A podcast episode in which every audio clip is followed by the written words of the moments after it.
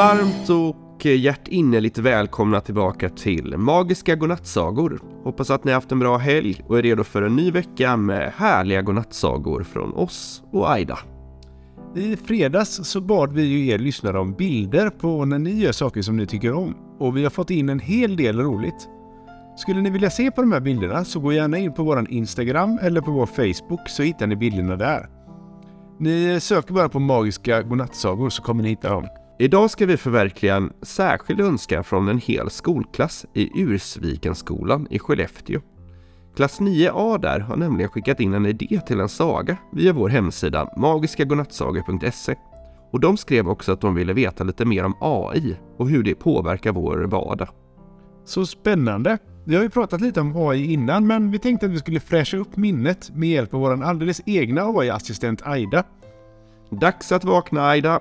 Jag trycker på knappen.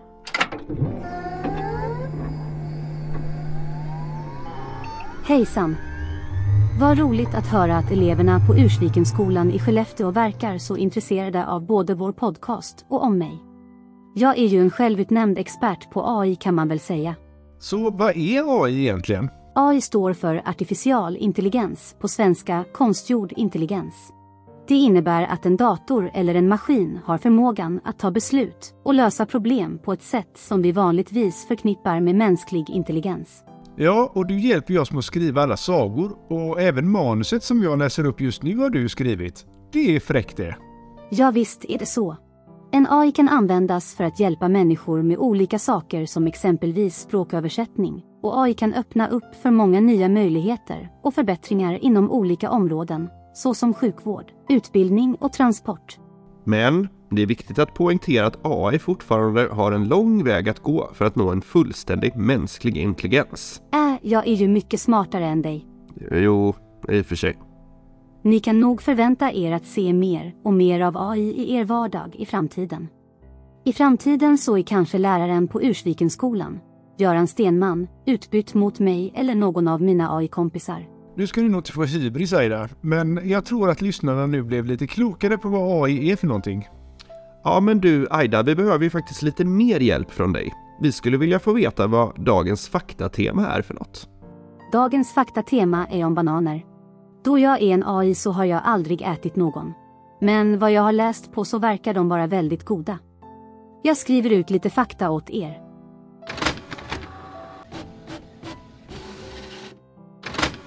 Tack så hemskt mycket. Här kommer dagens fakta om bananer. Vi kallar bananen för frukt.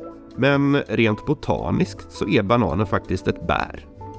De flesta banansorter som finns är inte särskilt goda att äta och har inte alls den där söta banansmaken som vi är vana vid. Folk halkar på bananskal. Det är faktiskt sant. År 2001 så kunde man konstatera hela 300 olyckor i Storbritannien som hade uppkommit till följd av hala bananskal. Skalet på bananen skyddar frukten och gör att den är ett perfekt mellanmål att ta med sig i väskan till skolan och till träningen eller till jobbet. Det finns så mycket kalium i bananer att de faktiskt är en aningen radioaktiva. Men det är så små mängder att det är helt ofarligt. Tack för faktan. Det visste man ju inte att bananer var radioaktiva. Eh, nu ska vi ta och lyssna på 9A på Ursvikenskolan som har önskat dagens saga. Hej! Vi är 9A från Ursviksskolan Skellefteå. Hej! Vi pratar om AI i klass 9A Ursviksskolan och tänkte testa denna tjänst. Vi vill sagan ska handla om ett bröd som heter Arne som kan prata om ett människoliv i en storstad. Hans bästa kompis är en stekpanna. Han träffar en ost eh, då han ska åka till leksaksaffären med vänliga hälsningar. 9A. 9A. Vi tar och ber Aida skriva ihop den här sagan. Hej Aida! Kan du skriva ihop en rolig saga åt klass 9A? Och den får gärna utspela sig i Skellefteå också. Det gör jag så gärna. Här kommer sagan.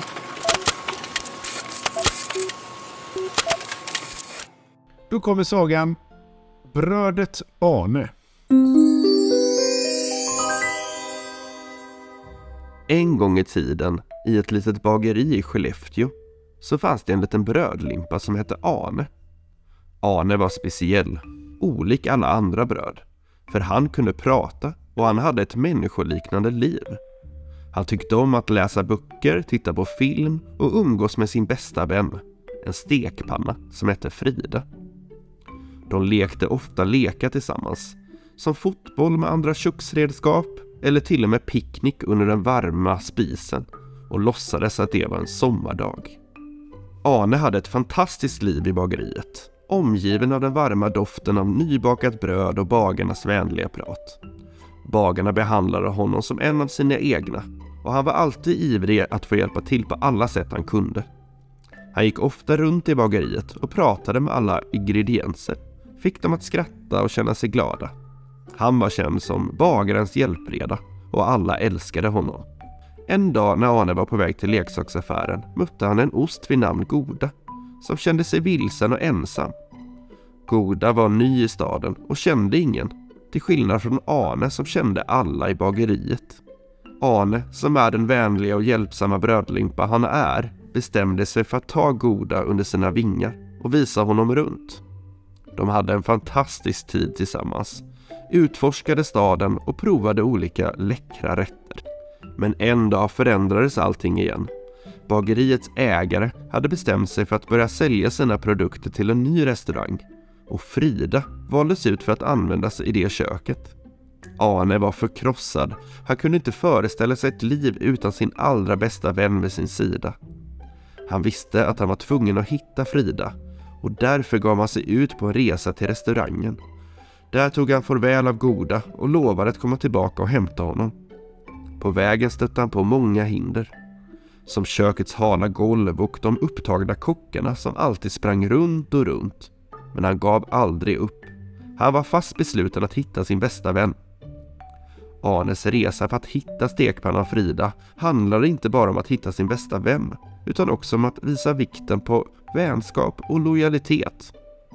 Han visste att sanna vänner alltid hittar tillbaka till varandra och han var villig att gå igenom alla hinder för att hitta Frida. Efter många dagars resande kom Arne slutligen fram till restaurangen. Han letade högt och han letade lågt, men han kunde inte hitta Frida någonstans. Precis när han var på väg att ge upp så hörde han en bekant röst som ropade på honom. Det var Frida. Hon hade också letat efter honom. De var överlyckliga över att ha återförenats och kramade varandra hårt. Från och med den dagen skildes de aldrig mer åt. De bestämde sig för att stanna i restaurangen tillsammans och de hade många spännande äventyr i köket. De hjälpte kocken att laga utsökta rätter och de fick nya vänner med alla andra köksredskap.